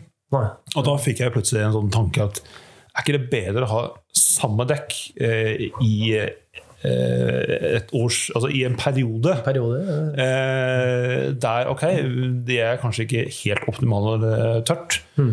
men de sitter bra når det regner, og da vet jeg at ok, selv om de ikke er optimale når det er, hvis det blir tørt i en liten periode, så vet jeg i hvert fall at de, de, da er ikke de optimale når det er mm, tørt, men da vet jeg hvor de er. Da vet jeg hvordan, hvordan de sitter. At de er kanskje litt glatt under disse forholdene. Mm. Så jeg slipper å gjette. Jeg tror det er det jeg prøver å si. Ja, ja, ja. Eh, så, så nå, nå, er det som sagt Magic Mary Supersoft foran altså, og, og, soft bak. Mm. Men så klarte jeg å punge her om dagen, og så ødela dekket fullstendig. Og det i seg sjøl er jo egentlig en, en, eh, det vi kaller for sånn level up. Ja, Det er jo et godt tegn på at du kjører hardt. Det er et godt tegn på at man kjører hardt når man kjører et stykke dekket. Ja, ja. Så jeg var egentlig veldig fornøyd. Ja, jeg så det. var veldig fornøyd. Ja, så, Uvanlig fornøyd til noen som er... Jeg punkterer ekstremt sjelden. Jeg har eh, rimpact eh, bak, ikke mm. noe innlegg foran. Men selv med rimpact bak, så felgen var helt fin, men dekket var helt ødelagt. Men nå har jeg DHF2 bak. Ja, hva hva syns du om eh, forskjellene? Eh, merker egentlig ikke noen forskjell på stilegrep. Eh, jeg har ikke kjørt den sånn sinnssykt mye, men jeg syns stilegrep er jo egentlig samme. Men eh, litt bedre bremseeffekt, oh, ja. rett og slett. Ja. Og gummien er helt fersk, og så syns jeg faktisk jeg satt veldig bra oppover på Spesielt på Kruksing. Det var flere tilfeller der jeg var helt sikker på at jeg kom til å glippe, og så satt det. Ja, Så- ja, jeg, jeg tenker, Hvis jeg skal avbryte litt, da, så Mm. tenker jeg med DIF-en altså, han veldig brede knaster. Så han legger seg kanskje veldig bra på stein og, og, og? Berg? Ja. Svaberg. Nei, så eh, Og syns ikke det ruller sånn knallbra, men det, det, det Nei, det funker. det. Nei, nei, du, du, du merker det, også spesielt hvis er, du skal sykle opp på, på grus som er litt våt, og sånn, så er, du kjenner at det er tungt. Ja. Men det, det funker bra. Men jeg kjøpte meg eh, sånn slags sommeroppsett. Mhm. eh, så da ble det eh, Asgai, eh, som jeg skal ha bak. Bak? bak ja. bak. Ja, det var det jeg bestemte meg jo. Jeg skulle ha dissektor bak. Ja. Det tror jeg kan rulle enda bedre, men jeg tror det ble litt for godværsdekk. på en måte. Ja. Eh, og jeg fikk ikke tak i det heller. Det Nei. finnes på Bikeshop, eh, men eh, det var ikke mulig å få tak i det jeg skulle ha det. Eh, og så blir det DHF foran, Ja, okay. tenkte jeg. Jeg, jeg har ikke vært så glad i det, det foran, men det er mange som elsker det, så du må ikke ta mitt ord på at det ikke er det bra. Eh, Det er bare at jeg det er sånn, DF-en har jo den det skillet mellom midtre og sideknassen som gjør at det akkurat i en liten vinkel, akkurat når det er litt off-camp eller at begynnelsen av svingen, så har det en liten sånn sone hvor det egentlig bare fort, veldig fort glir. Eh, Men jeg må kanskje bare venne meg på det. Jeg har litt lyst til å prøve igjen og se om jeg kan venne meg på det. For det er jo ellers et veldig bra dekk. Hva slags trykk er det du kjører med? Ja Det kommer jo an på hva slags casing jeg har. Jeg, kjører jo litt forskjellige dekk. Da. Det er jo ikke sånn at jeg kjører standard samme, egentlig. Men uh, med de insertene jeg har nå, så kjører jeg som regel 20 PSI foran og rundt 24 bak. Ja, det er litt mer enn jeg pleier å kjøre med 18 foran og 22 bak. Ja. Nei, så jeg kjørte Men ikke i parkpark. Parkpark, der, eh, da kjører jeg opp eh, på kanskje 22 foran og 25, 26, 28 bak. Ja. Litt avhengig av hvor tøft det er. sånn. Ja, det er litt deilig når man kjører mm, berms, eller ja, doseringer som heter på norsk, da, eh, og får litt mer trykk i dekkene. Ja, og Hafjell eksempel, det er enda høyere fart. Da, er- Da, gønner på enda mer med trykk. Altså, jeg jo, prøver å kjøre så lett casing som mulig, altså sidevegger. Og da, både det og F bak, så i år kjørt Exo Pluss, som jeg synes, tenker er en sånn ganske bra mellomting for meg. Jeg, jeg, jeg er ikke så fæl på å ødelegge dekk sånn til vanlig, egentlig, men eh, Felgene tar det jo ganske bra. Felger jeg klarer jeg å knuse. Men i hvert fall så uansett, da, de, de um, Exo plussene de var ikke, selv med innlegget, de var ikke helt eh, solide nok. Med mindre hadde trykk. For i hvert fall oppi eh, den Grefsenkleiva, de gamle downløypene der, sånn, så greide jeg to ganger på rad å lage flenge i dekket. Og da var det, slo det gjennom i full, eh, full sånn her eh, Hva heter det for noe? Snakebite-variant, og helt ned til siden av felgen. Og det er, det er liksom noen skarpe Det er, det er litt sånn ruglete berg noen steder med noen skarpe knaster i, på en måte. Så jeg lurer på det er bare at den treffer det. Jeg har ikke greid å finne ut akkurat hvor det har skjedd. Det bare er på slutten av rønnet, så er det sånn. Og så det ene DHF-dekket X med X og pluss, da. Det Exo pluss sidevegger, for de som ikke kjenner til alt disse hver eneste sak. Det er jo altså Exo-veggene er liksom for, for eh, stibruk. Da snakker vi om Maxis-dekk. Maxis, Ja. ja. Exo er vegger for stibruk, og så er det double down for sånn litt eh, røff enduro, og så er det Exo pluss i midt imellom. Som er litt tyngre enn Exo, men ikke så tung som de double down-dekkene. og det tenkte jeg er jo et fint sted å legge seg når du har inserts. Da, som, altså, det er en sånn pølse inn i dekket som med en gang de begynner å slå langt ned, så tar det en pølse istedenfor bare luften. Og, men det, det holdt ikke. Altså. Det holdt ikke før jeg var oppe i 24 PSI. Og da, For det ene dekket måtte jeg bare kaste med en gang. Jeg hadde kjørt i én dag. så det var så stor flenge i det at det ikke gikk an å bruke. Og da hadde jeg kjørt med 22,5 PSI. Mm. Så i på 24 så har det ikke skjedd ikke noe, skjedd ikke noe mer. Ja. Men det er eh, altså, han samme som, eh, som jeg refererte til tidligere, som kom inn på dekk med en gang. For han, altså, han hadde rett og slett en eh, dag da han, det regnet. Da han var i bikepark første, kanskje første eller andre turen hans eh, i sesong. Så ble han veldig satt ut. Vi var jo veldig in the zone. Jeg sier ikke at vi er bedre enn han på noen som helst måte, men også bare si at han, han, Ja, hadde, var- han hadde ikke dagen sin. Det ble en fin dag for oss. Ja, ikke sant? Hvert. Vi starter, vi starter jo litt sånn engstelig, vi. også. Starter egentlig òg. Altså, jeg, var- jeg var jo nesten litt kvalm på parkeringsplassen. jeg merker så så, Ja. Det, det, var, det var godt det kom i gang. Men jeg, jeg visste det. Ja. Eh, men jeg, jeg prata en god del med han etterpå, for han sendte en melding til meg og beklagde at han hadde liksom hang litt igjen og måtte gå og sykle her og der. og sånn.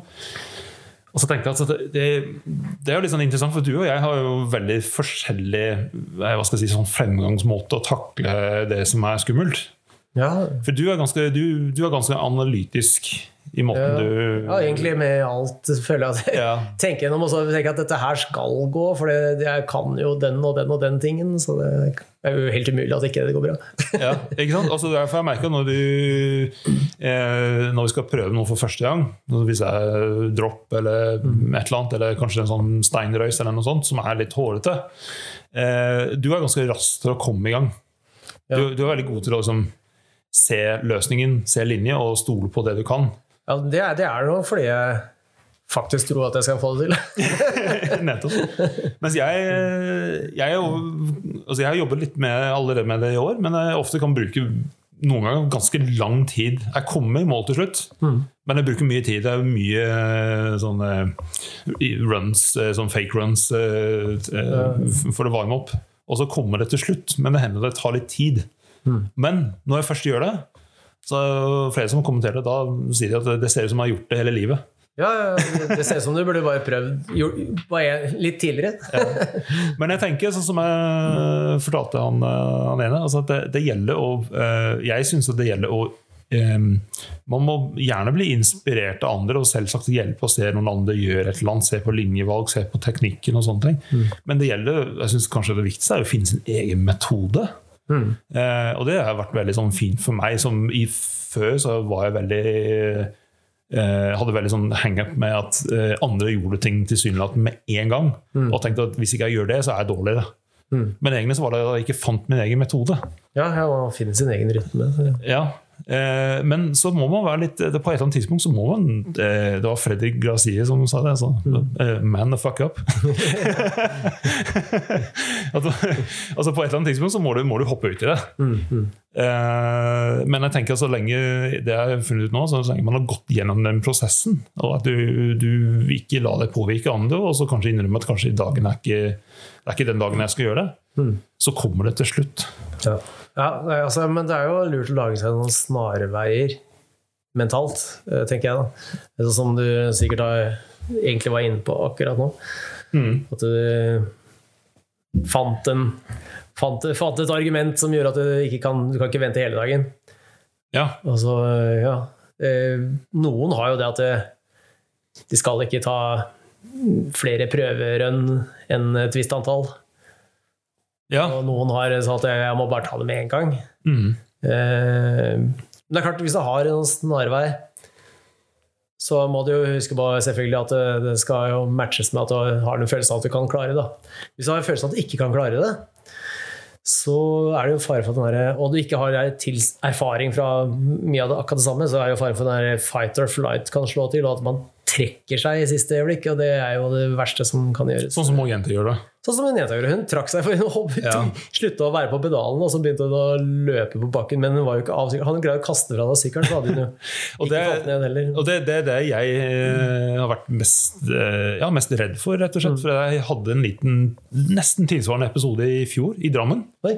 Eh, du var jo der. Det, var jo, uh, det er sånn bratt heng på vei ned uh, Hennings. Ja, ja, ja. Som er sånn type litt off-camber, og så er det en stor stein til høyre akkurat når du bikker over kanten.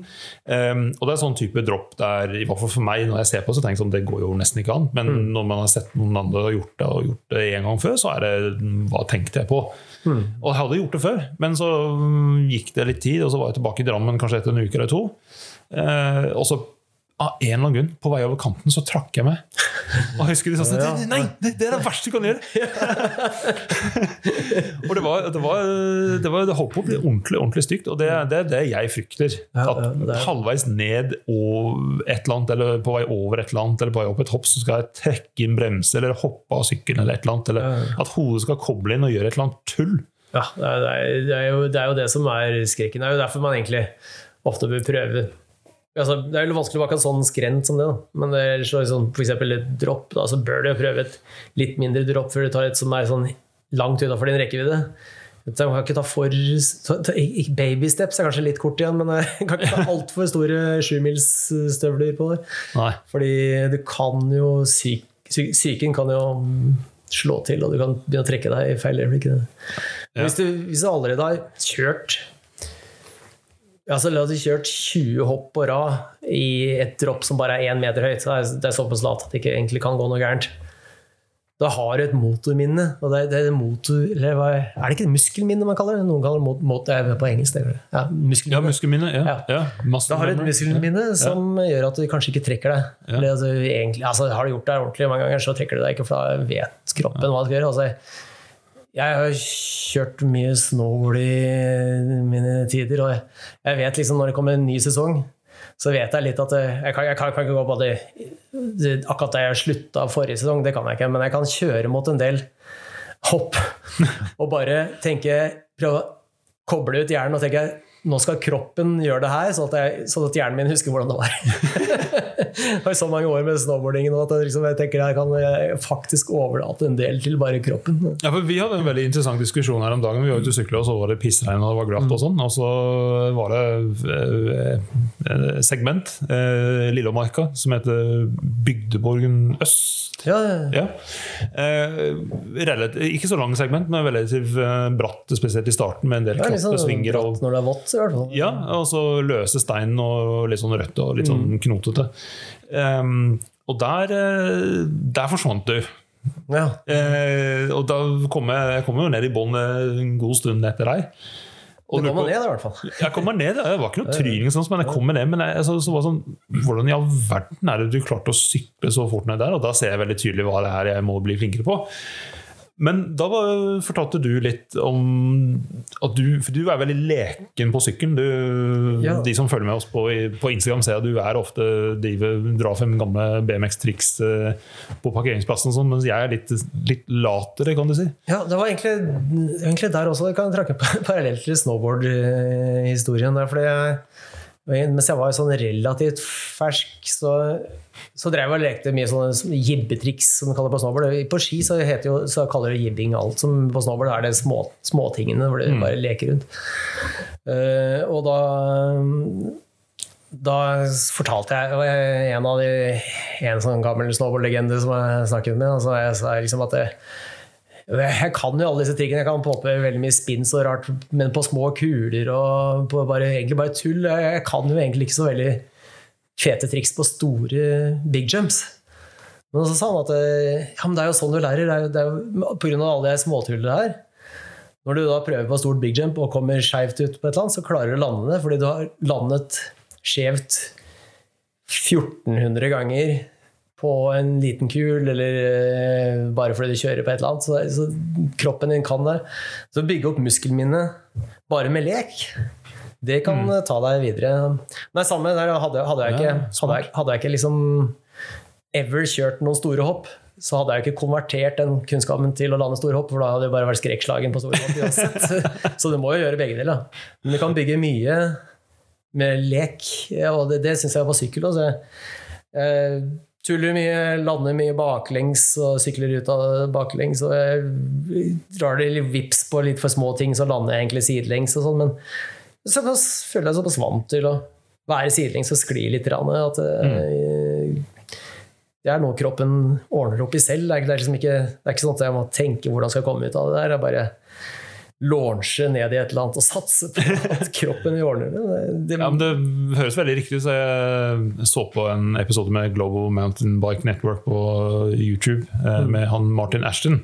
Eh, og han eh, eh, da han drev eh, aktiv. Han var en fryktelig dyktig ja, trials-syklist før han hadde en ganske tragisk ulykke. Kjente ikke du han egentlig? Jo, eh, ja, liten digresjon. Altså, jeg, gikk på, jeg gikk på skole med han, Ja, det gikk på skolen. faktisk. I England. Gikk på skole med han. Ja. De som ikke vet det, så er jo James britisk. Men det er jo kanskje skint gjennom allerede. Det kan godt hende at noen er ferske med på det. Om ikke Om navnet. ikke navnet hadde gitt en kom noen sånne små eh, småfeil med talefeil. Men eh, jo, han, eh, han ofte, veldig ofte varmet opp eh, til events og konkurranser og så videre med å sykle veldig sånn tighte åttetaller eller sånne vanskelig tighte løyper Ja. eh, på, enten på parkeringsplass eller og, litt ut i skauen eller et eller annet. Som uh, veldig lav hastighet, men som inneholdt mye balanse og teknikk, rett og slett. Og han, uh, han også uh, Han driver som coach også. Ja. Eh, Og han anbefalte veldig for å bygge opp skills, rett og slett. Så Ja, det er masse øvelser som hjelper. det er ikke dumt, det, altså. Men hvor var det før jeg avbrøt deg? Hva sa du? Hvor var vi før jeg avbrøt? Med alt du kjente han?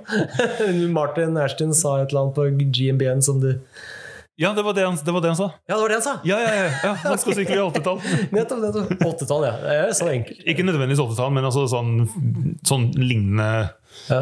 ting. At, Hvis det sitter i et nitall, så må du på en måte tilbake igjen. Ja, ja, firetall, for eksempel. ja fire. Ja, det er vanskelig. Åttetall er liksom for beginners. Ja. Men så kan det bli for enkelt, da. Ja. Eh, og det, er, eh, det har vært en diskusjon på Terrengsykkelforum som vi har fått med oss. Som vi syntes var litt interessant å ta opp. Ja, det var, det var jo en tråd som startet med 'Skal vi alle bli grusbankere?' det var jo for så vidt ikke noe eh, Kanskje mest respektfulle overfor de som liker grussykling, men Med Det- sånne styreveske og ja. buklestyre. og- Men eh, det, Det var var jo en eh, veldig morsom eh, Morsom uh, vinkling òg, for så vidt. Da, for det er, det er veldig mye bygde flystier som kommer nå. Mm. Og der er det jo tendenser til at det egentlig, siden de er maskinbygd, og så har de lagd en type grus over for å gjøre det jevnt og smooth, at de er så jevne og smoothe at det egentlig er Det er en smal grusvei med doseringer. Du kan jo se litt i Trysil her og der. Altså. Mm. Eh, At, eh, og frykten var jo da at eh, man skulle kanskje se at, at, at man får en krav på seg til å lage så enkelt overalt, da, siden folk blir vant til det. Jeg, jeg tenker sånn, Umiddelbart så tenker jeg sånn, eh, som vi sier på engelsk, sånn 'horses for courses'. Altså sånn velge hesten etter uh, hva du skal Ja. ri på, på en måte.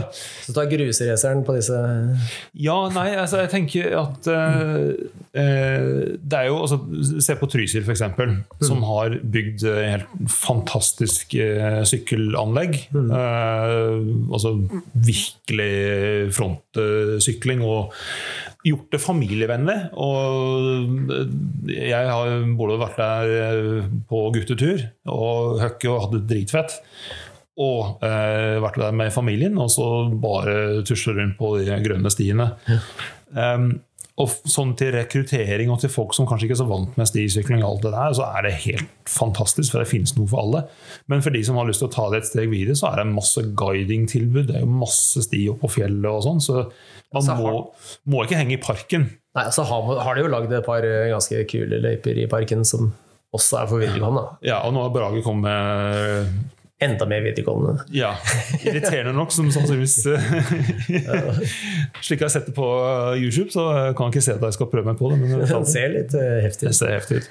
Eh, så det er liksom én side. Så jeg tenker så det er jo Hva er problemet? Men eh, på en annen side så ser jeg det litt sånn tendensen at de skal bygge opp Høggevarde eh, og en del andre steder. Og der eh, virker det litt sånn for de som kanskje ikke kjenner til stisykling eller miljø, eller hva det egentlig går ut på, eh, at løsning umiddelbart er å hive masse grus oppå. Og på en måte nærmest asfaltere. og jeg tror kanskje det er det de er redd for. at liksom Skal det være slik at hver gang de bygger et anlegg, at alt skal være blankpolert? på en måte? Ja, nei, for det, det er jo klart eh, Oppskriften som Trysil har, men, eh, har jo brakt veldig mye kunder. De, jeg, tror, jeg tror nok de får inn, får inn folk veldig bra. eh, Fordi familier Familier trenger å dra på aktivitetsferier. Og jeg har vært der selv, og jeg, jeg virkelig elsket det. Og barna elsket det. Det var jo skikkelig, skikkelig gøy. Eh, Men jeg, jeg tror jo Jeg tror at det er bra eh, at det fins. Og så håper jeg jo som trådstarteren også at det ikke Det er det eneste som fins om en liten stund. Det, jeg, det tror jeg egentlig ikke. Jeg tror, jeg tror sånn som barna mine de eh, start, syns jo Trysil var eh, supergøy, men de syns jo også det er gøy på sti. Mm. Så det er jo bare en start på en måte for mange. Ja. Ja. Og jeg ser det som sykkelklubben Rye gjør oppe i, eh, oppe i Lillemarka. Ja, med Maridalsrunden og sånn. Eh, Maridalsrunden. Også det er en del stier som bærer preg av ekstremt mye slitasje. Det er mange altså Rye-treene der og en del andre, og det er veldig populært for de lokale. Spesielt de stiene som er litt mindre utfordrende, og det, de, de blir veldig fort slitt. Og der er det mange steder der de har bygd litt eh, klopper og lagt på grus og sånn. og der, Om de ikke hadde gjort det, så er resultatet at det blir mer slitt, og at uh, ikke bare syklister, men også turgåere begynner å finne andre veier rundt uh, gjørmepytt og litt sånne ting. Ja. Så blir det bare enda mer slitasje, så der er det egentlig bare en fordel. Jeg har faktisk donert noe penger til den Maridalsrunden. Ja, ja, ja. De, de, de står på Facebook-siden deres. Det er jo bare Sticrew og Det står på Facebook at du donerte. Nei, nei. Vips-nummer og sånn. Altså, jeg tenkte ok, det er Sånn. såpass lokalt. eh. Men stort sett de gangene jeg sykler Maridalsrunden, så er det jo med en av barna. Ja. Men jeg er jo innom, innom jernbanestien i titt og ofte ellers, så da for så vidt. Mm. Men så er det, det, er jo sånn Jeg tenkte de nyetablerte stiene altså det, er no, det er noen stier oppe også i Lillemarke, der vi sykler veldig mye, eh, som har på en måte blitt eh, Noen har blitt etablert, det skal sies. Eh, men så er det en del som har på en måte blitt åpne på nytt, som er, som er egentlig er gamle stier som folk rett og slett ikke har tråkket på. Gamle tråkk som ikke har vært brukt så lenge, så er det jo Ja. en del som har på en måte, restaurert. Med sånne urørt, ikke sniperrøtter som skal ta det ut når som helst, eh, og, og liksom mosebunn, eller altså, eh, er, er det vår pudder? Ja, det tror jeg. Altså. En helt sånn der nyåpnet sti i skogen, som ikke er utslitt. Altså, det er ikke bare syklister som sliter på det, det er folk som går og de tramper jo ned, og så til slutt så er røtter alt eksponert. Men det er, jeg er enig i. Det er, det er som pudderkjøring. Det er vår pudder. Ja, ja, ja. Der du kan bare hive len over sykkelen så mye du vil eh, i svingene uten noe som helst fare for at eh, du skal miste grep. Nei, ikke sant? Og mosen er så myk og deilig. Ja, ja, nei, det, kan, det er godt. Ja, ja. Men Vidar, du eh, har en liten, eh, et lite innslag her. Ja, Du er, du er en mann som leser ekstremt eh, mye på nettet, hvis ikke jeg sier Fortell meg om jeg tar feil. Ja, ja nei, det er, jeg er jo litt sånn nerdy på altså, hordeinformasjon om ting jeg er interessert i. Da. Så har vi Vidas vitenskapelige hjørne. Ja. Hva, hva er det du holdt på med siden sist? Nei, Hva altså- er det du ikke kan?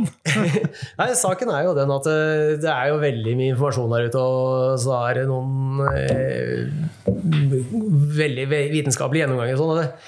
Så ser jeg at jeg kan ikke, orker ikke ta vare på alt av informasjon, så noen ganger så er det sånn at jeg tar vare på essensen av det inni hodet mitt. Etter å ha hørt, hørt alt sammen, fulgt med nøye, og så tenker jeg ok, hva trenger jeg å huske på? Og så kanskje jeg også passer på å kombinere med noe annet, så at det blir det livet jeg har lyst til å leve. Da. Så, så, så noe av det ender jo opp med litt pseudovitenskap, men jeg har jo tenkt å fortelle dere hvordan man skal bli raskere ved å drikke øl i hottuben. Nå er jeg spent.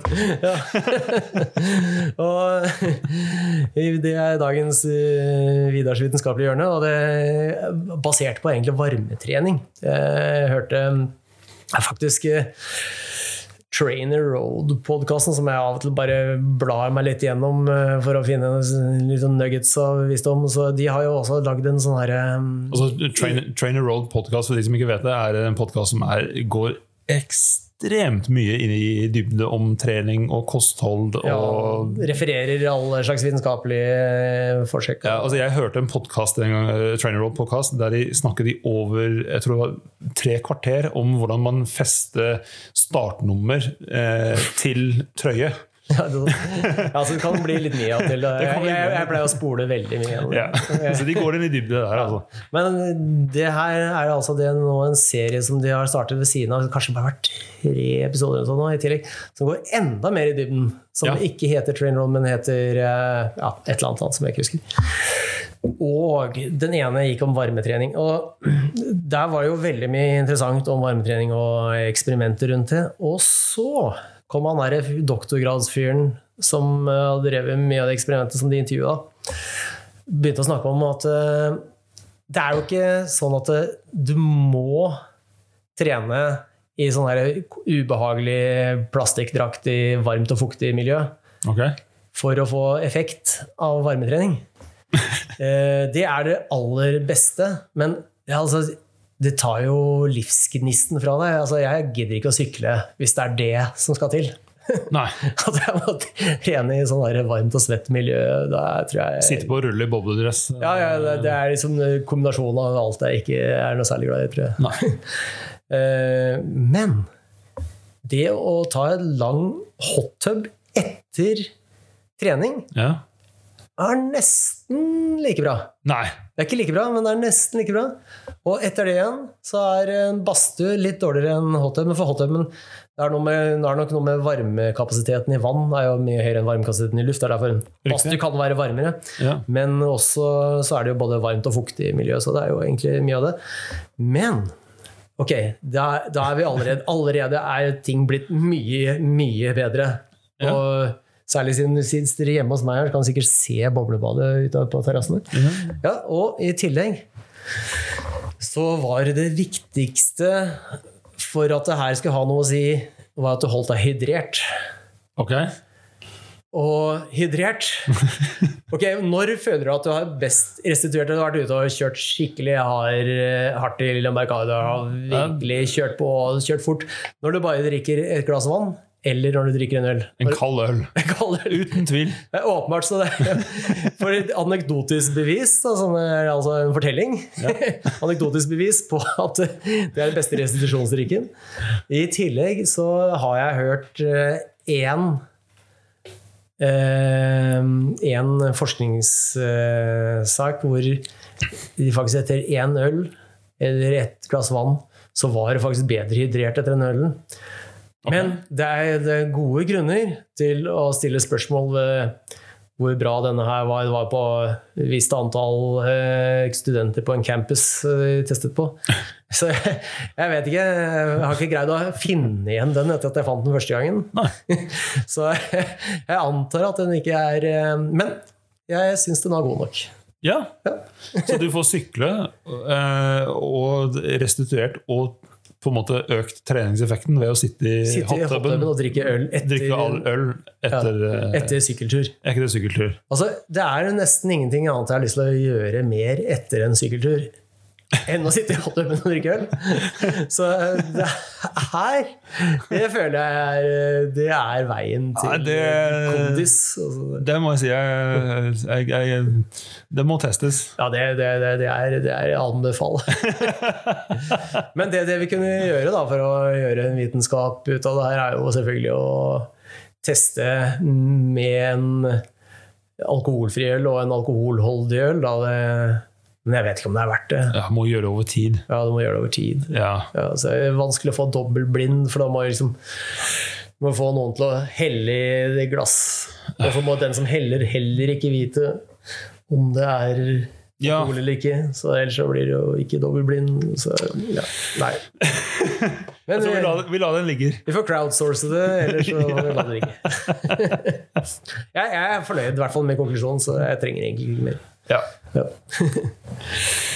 Ja. Men da er det jo eh, James, da. Du har jo ditt uh, motvitenskapelige hjørne. Ja, altså jeg er, eh, I motsetning til deg så er jeg litt mer sånn kreativ type i forhold til måten jeg tenker. Ja, Du er jo fotograf og journalist. Fotograf og journalist og designer og alt mulig. Designer var egentlig starta. Ja, ehm, altså, det er jo ikke, ikke, ikke alltid en uh, fordel. Det har jo sine ulemper. og Det er sikkert derfor jeg ofte grubler på ting som jeg egentlig kan. og sitter her og på en eller annen kreativ måte klarer å finne måter jeg kan tryne på ting som ikke er noe problem. Ja, men så har du jo funnet med måter du ikke kan tryne på. Da. Ja, jeg har jo det.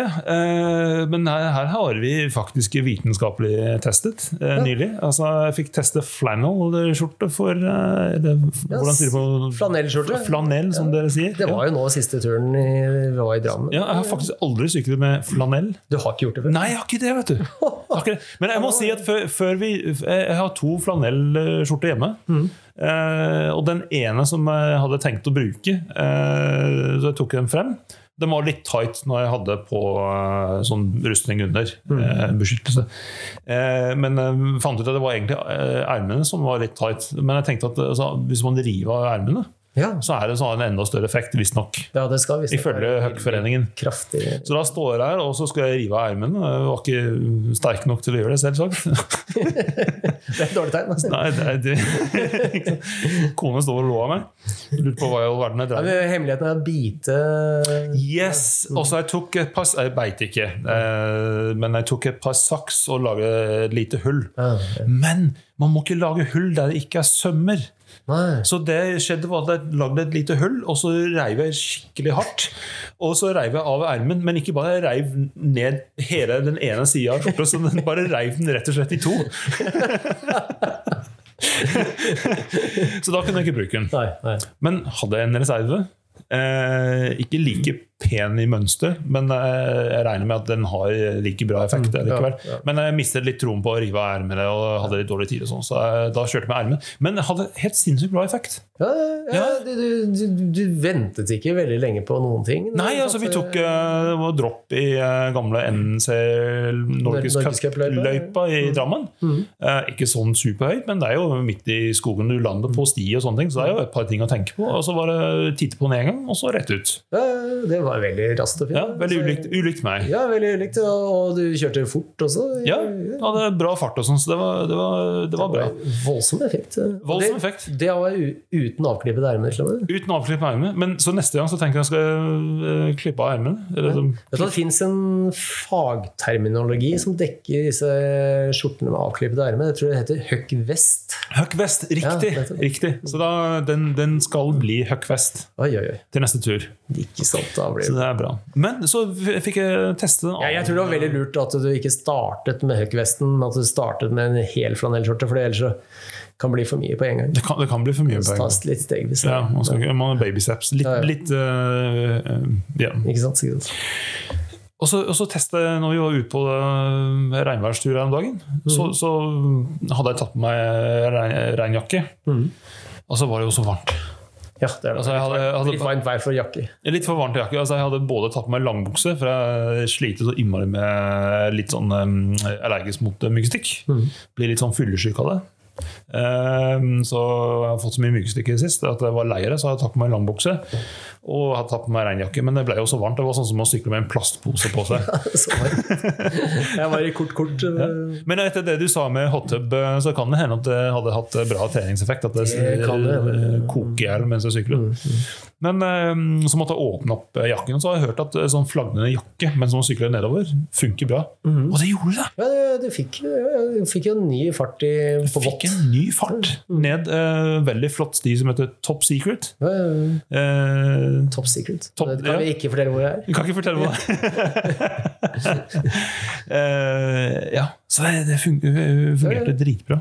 Ja, Ja. men da er jo, det er jo faktisk eh, forskningen Dette her er jo anekdotisk bevis. Ja, og så en liten S i armen. Det var at, eh, Eller i, i, i sokkene. Jeg, hadde, altså jeg har et par sokker jeg kjøpte på Hennes og Maurits for flere år siden. Svarte sokker som det står Run DMC, altså Ja. rappgruppa. Det er ganske tøft. Av en eller annen grunn så har det blitt sånn at uh, hvis jeg skal til Drammen eller uh, sykle enduro eller annet, da er det de jeg må velge. Lucky Socks. Lucky Socks, Run DMC. Ja, ja. ja, da, det er- fint. Da har du en oppskrift. Jeg har jo Da oppskrift. har vi oppskrift. Det er veldig bra. Må testes. det samme. Ja, ja. Da har vi kommet til, mot slutten av podkasten, Vidar. ja, Vi har eh, både nerd det og diskutert det ganske mye i dag. det har vi. Det Ja. har vi altså. Eh, men det er skriftestolen. Åh, det er vel min tur nå. Har du noe å komme med, Vidar? Ja. Hva er det som plager deg? Hva er det som holder deg våken om natten? ja, det er jo den der hardtail-ramma jeg kjøpte. vel, velkommen inn i ah, takk. Jeg endelig fått komme inn. Det er litt det er hardt på benken her. Ja. Ja, det er litt hardt. eh, Men eh, det er jo Det er jo litt pine man må ha for å bli kvitt sine synder. Da. Ja, ja. Så jeg hadde jo mye utstyr som jeg hadde byttet ut, som ble liggende i boden. Og så var det jo eh, også så, så hadde vi jo blitt kjent med Aslak Mørstad, som ripper så hardt på alle hardtailene og ydmyker mennesker på full lemper. Med ryttdekk. Ja. Og i tillegg så har man jo hørt det Steel is real og sånn, så på eh, Black Friday, som er kilden til veldig mye gode innkjøp, så kjøpte jeg jo da, da en eh, hardtail stålramme for en veldig rimelig pris, Ja, egentlig. fornuftig valg. ja. Ja, det var. Og den hadde 65 grader styrevinkel. eh, Den kunne faktisk ha ganske stor gaffel, kunne hatt enda litt slackere. Ja. og det Så det funker jo som en sti.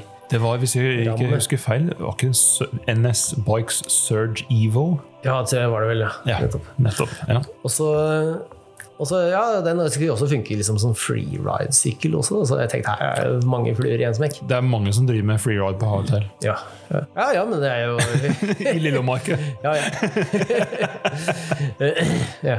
Så Så med Steel is real, eh, stålsykkel tåler alt. Ikke sant? Flat pedals with metal steel is real. Altså, alle de det- tingene der det må jo funke. Ja, ikke sant? Det, er, det rimer, så er det sant. Ja, Det er min regel. Det er vitenskapelig, tror Det jeg. er vitenskapelig. Det er Ja. bevist, det. Tror det. Så eh, Men jeg hadde jo ikke absolutt alle delene. Nei, Så det ble jo en ny runde med innkjøp. Så jeg kjøpte veldig mye forskjellige deler. Da, for det var egentlig bare når jeg skulle bli kvitt en gaffel og noe annet smårusk, egentlig. Så det ble jo nytt hjulsett og en krank og gir og ja, så ble det noen bremser og alt mye rart. Oi. Ja, det er egentlig kjøpte jo veldig mye mer enn det jeg skulle bli kvitt. da. Ja. Men så er jo Der er jo egentlig min store synd, da, som er kontinuerlig gjennom livet mitt, er at jeg er veldig mye mer glad i å kjøpe ting enn å bygge det sammen. ja, du er ikke så glad i å skru, du. Nei, altså, kanskje når jeg kommer i gang, men jeg er ikke så, glad, jeg er ikke så flink til å komme i gang. Kanskje, ja. Men jeg, jeg skrudde faktisk sammen en Megatower-ramma helt selv. Så noe har skjedd. Ja, noe har Men, skjedd. ja, men, men, men jeg, jeg- har kjent deg lenge, og du, du har Nei, til tider hatt ting ja. liggende lenge. Ja, jeg, Som hadde, jeg hadde- jeg husker faktisk du tok en gang og skrudde sammen BMX-en min. Ja. Jeg hadde kjøpt så mye fete deler. Så bare kom med delen og bare Hæ? Så jeg bare gjøre. Så kom jeg med delen, og så skrudde du sammen. Så bare. Nettopp. Jeg er ganske glad i å skru. ja. Nettopp. Men det skjedde ikke denne gangen med denne. Og den ligger jo fortsatt her i kjelleren. Det begynner Nei. å bli noen år siden. da. Gjør det det? Ja. Eh, og da kan du jo tenke Da er det jo bare å skru den sammen. For det ja, jeg har faktisk blitt litt mer erfaren på det også, så kanskje ikke det har tatt meg så lang tid som jeg så for meg.